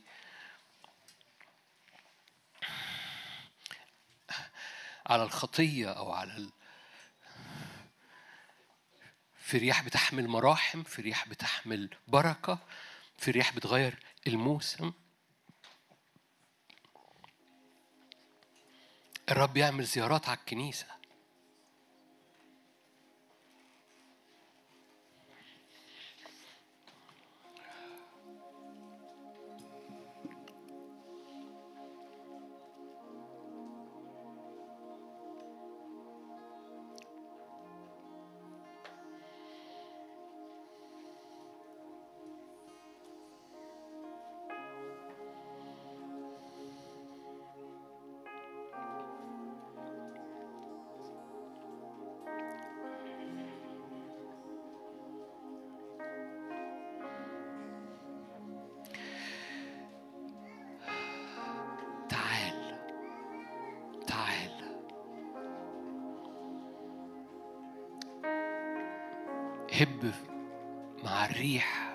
زي ما هبيت زي ما اتحركت في الجنة عند هبوب ريح النهار. مجيء على كل حد عريان. آدم أين أنت؟ مجيء على كل إبرام قاعد على باب الخيمة. مجيء على كل خادم إيليا جاله إحباط وتفشيل. مجيء على الأمم زي ما جيت على مصر. مجيء على كل آدم عريان. مجيء على كل إبرام على باب الخيمة بره الدعوة. مجيء على كل إيليا متفشل في الدعوة. مجيء على كل دبورة في مواجهات. الله جاء من تيمان تلألأ من سعير أشرق من فاران. الروح والعروس يقولان تعال. ما أعرفش أنت خدت بالك ولا لأ. تعال ارفع إيدك معايا. أي حد هنا زي إيليا متفشل. أي حد هنا زي إبرام حاسس انه مش واقف في الدعوة كما ينبغي. أي حد هنا زي سارة حاسس إن الوعود لسه ما حصلتش في حياتها. هناك زيارة هناك مجيء. أي حد هنا زي آدم وحواء فجأة المجد اترفع من عليهم وبقى عريان. هناك مجيء باسم الرب يسوع. الروح والعروس يقولان تعال. أي حد هنا بيخدم وجنته لسه مش بتأتي بثمرها النفيس. هناك مجيء. الروح والعروس يقولان تعال. هب يا ريح من الرياح الأربع على العظام. أي واحد أي حد هنا بيخدم بقاله فترة. والخدمة وصلت لبلاتو. هو هو نفس اللي حاصل. ده ده عام بقى. ده عام. هللويا. إحنا عايزين مجيء يعمل نقلة. معينين عظمتك باسم الرب يسوع. فوق جبل التجلي من المجد الأسنى تلمع وتتلألأ. على كنيستك في اسم الرب يسوع في الأرض باسم الرب يسوع. ده كلنا بقى دي طلبة لينا كلنا. كنا معينين عظمته في الجبل الأسنى.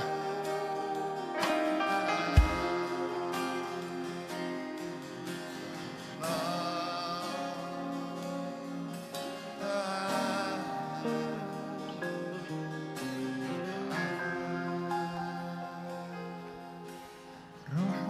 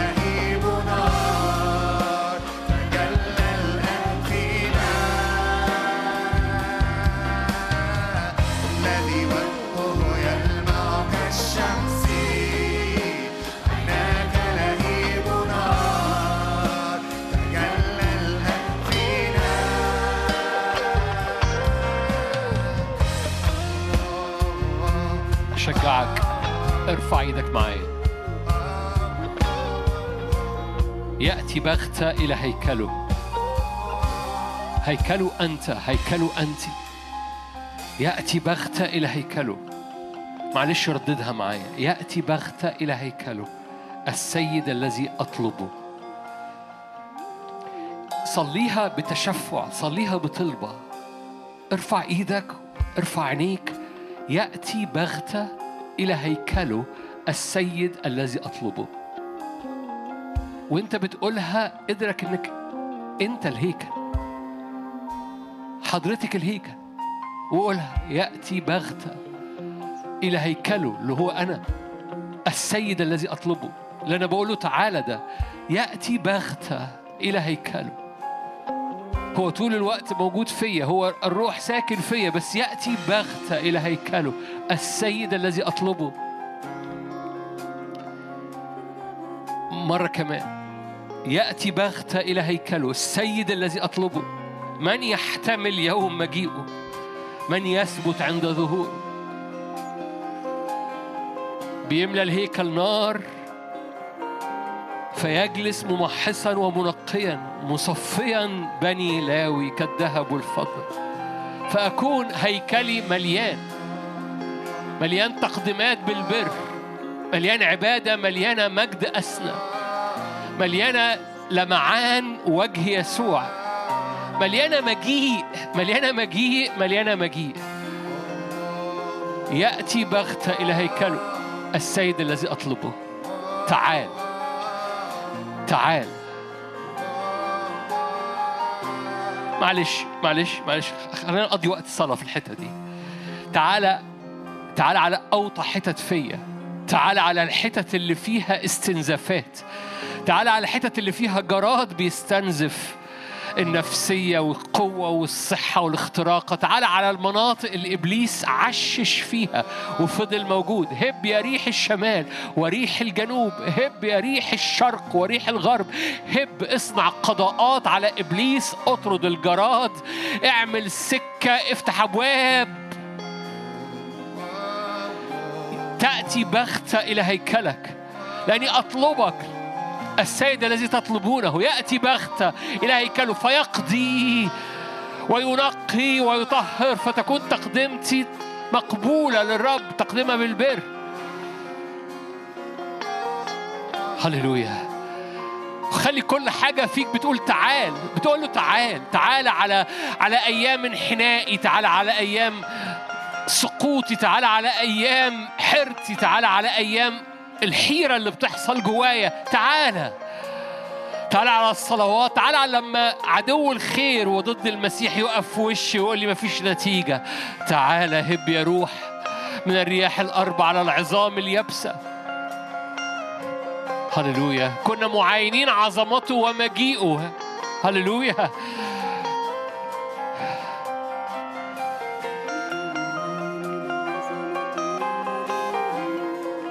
الروح والعروس يقولان تعال.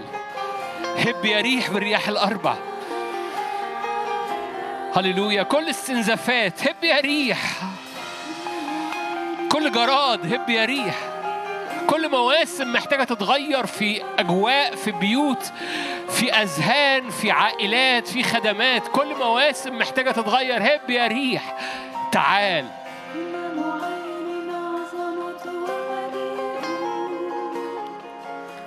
صلي معايا من فضلك. إيه المواسم اللي محتاجة تتغير؟ قول له هب يا روح الله. هب يا ريح الشمال وريح الجنوب على جنتي فتقطر أطيابها. هللويا.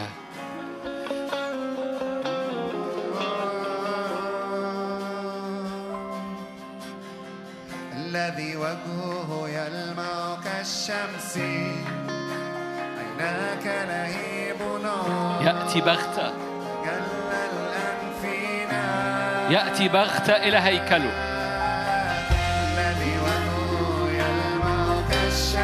السيد الذي تطلبونه.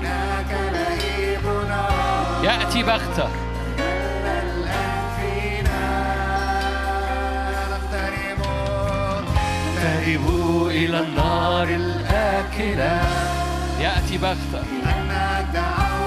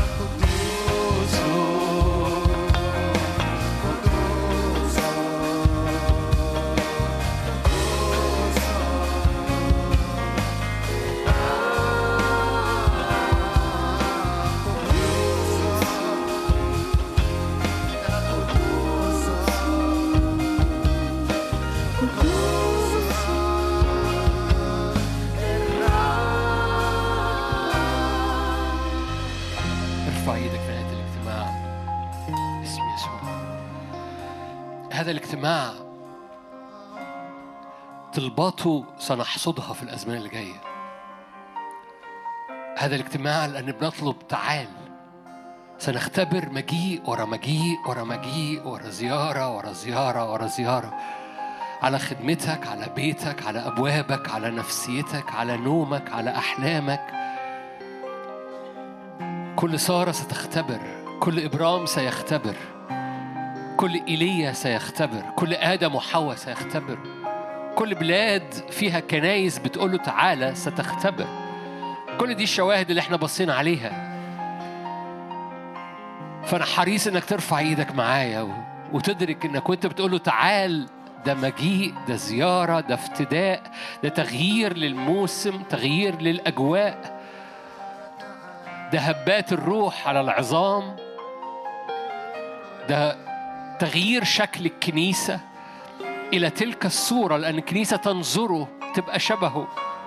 نتغير إلى تلك الصورة.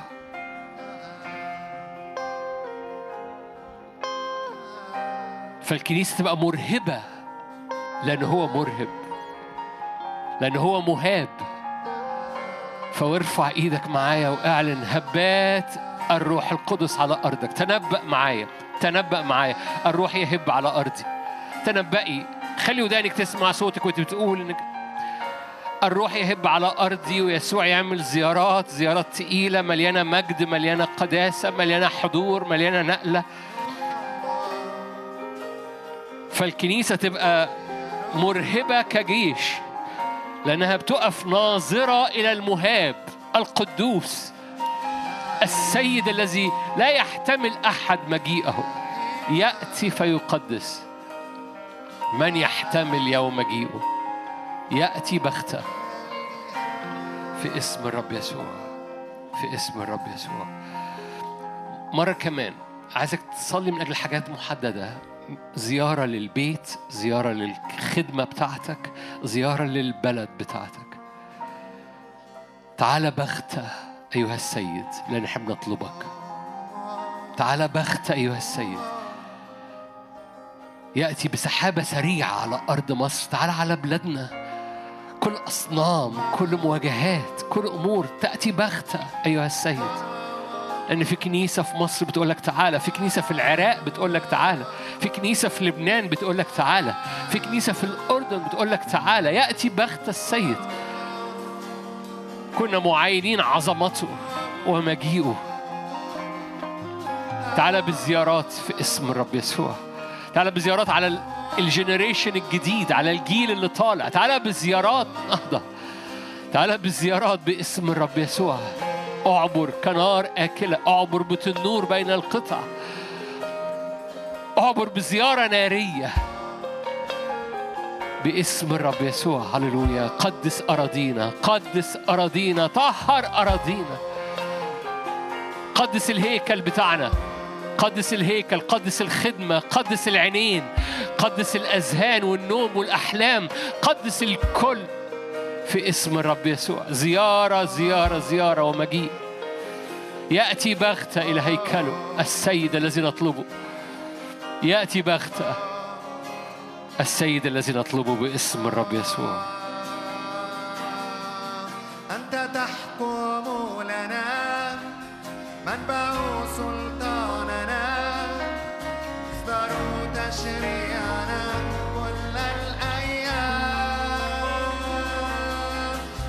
نطلق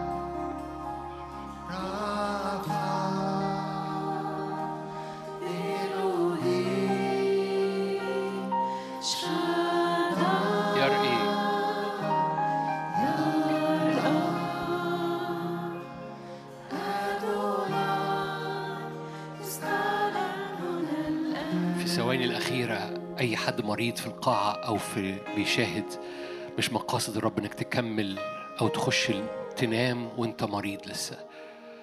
لأن خبز البنين هو الشفاء. لأن يسوع دفع الثمن بالفعل. صلاة الإيمان تشفي المريض.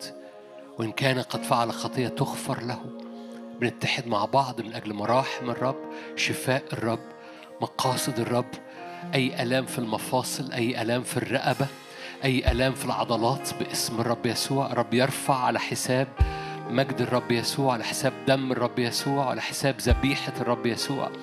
أي ألام أي أمراض في المناعة أي أمراض متوارثة أي أمراض في المناعة أي أمراض في الدم باسم رب يسوع. كل تأثيراتها ترتفع باسم أي أي أعراض مضاعفات المرض ترتفع أعراضها باسم الرب يسوع من على أجساد في اسم الرب يسوع.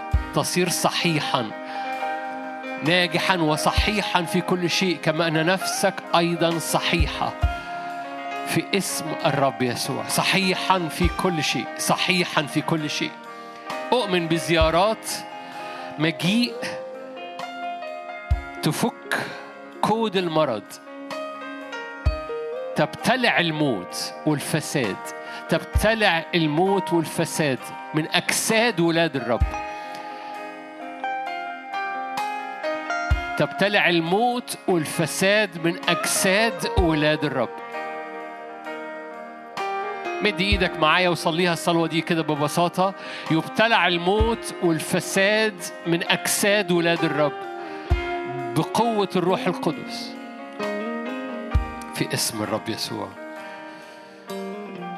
محبة الله الآب نعمة يسوع وشركة الروح القدس تكون معكم تدوم فيكم من الآن والأبد. آمين. ربنا معاكم. ملء البركة.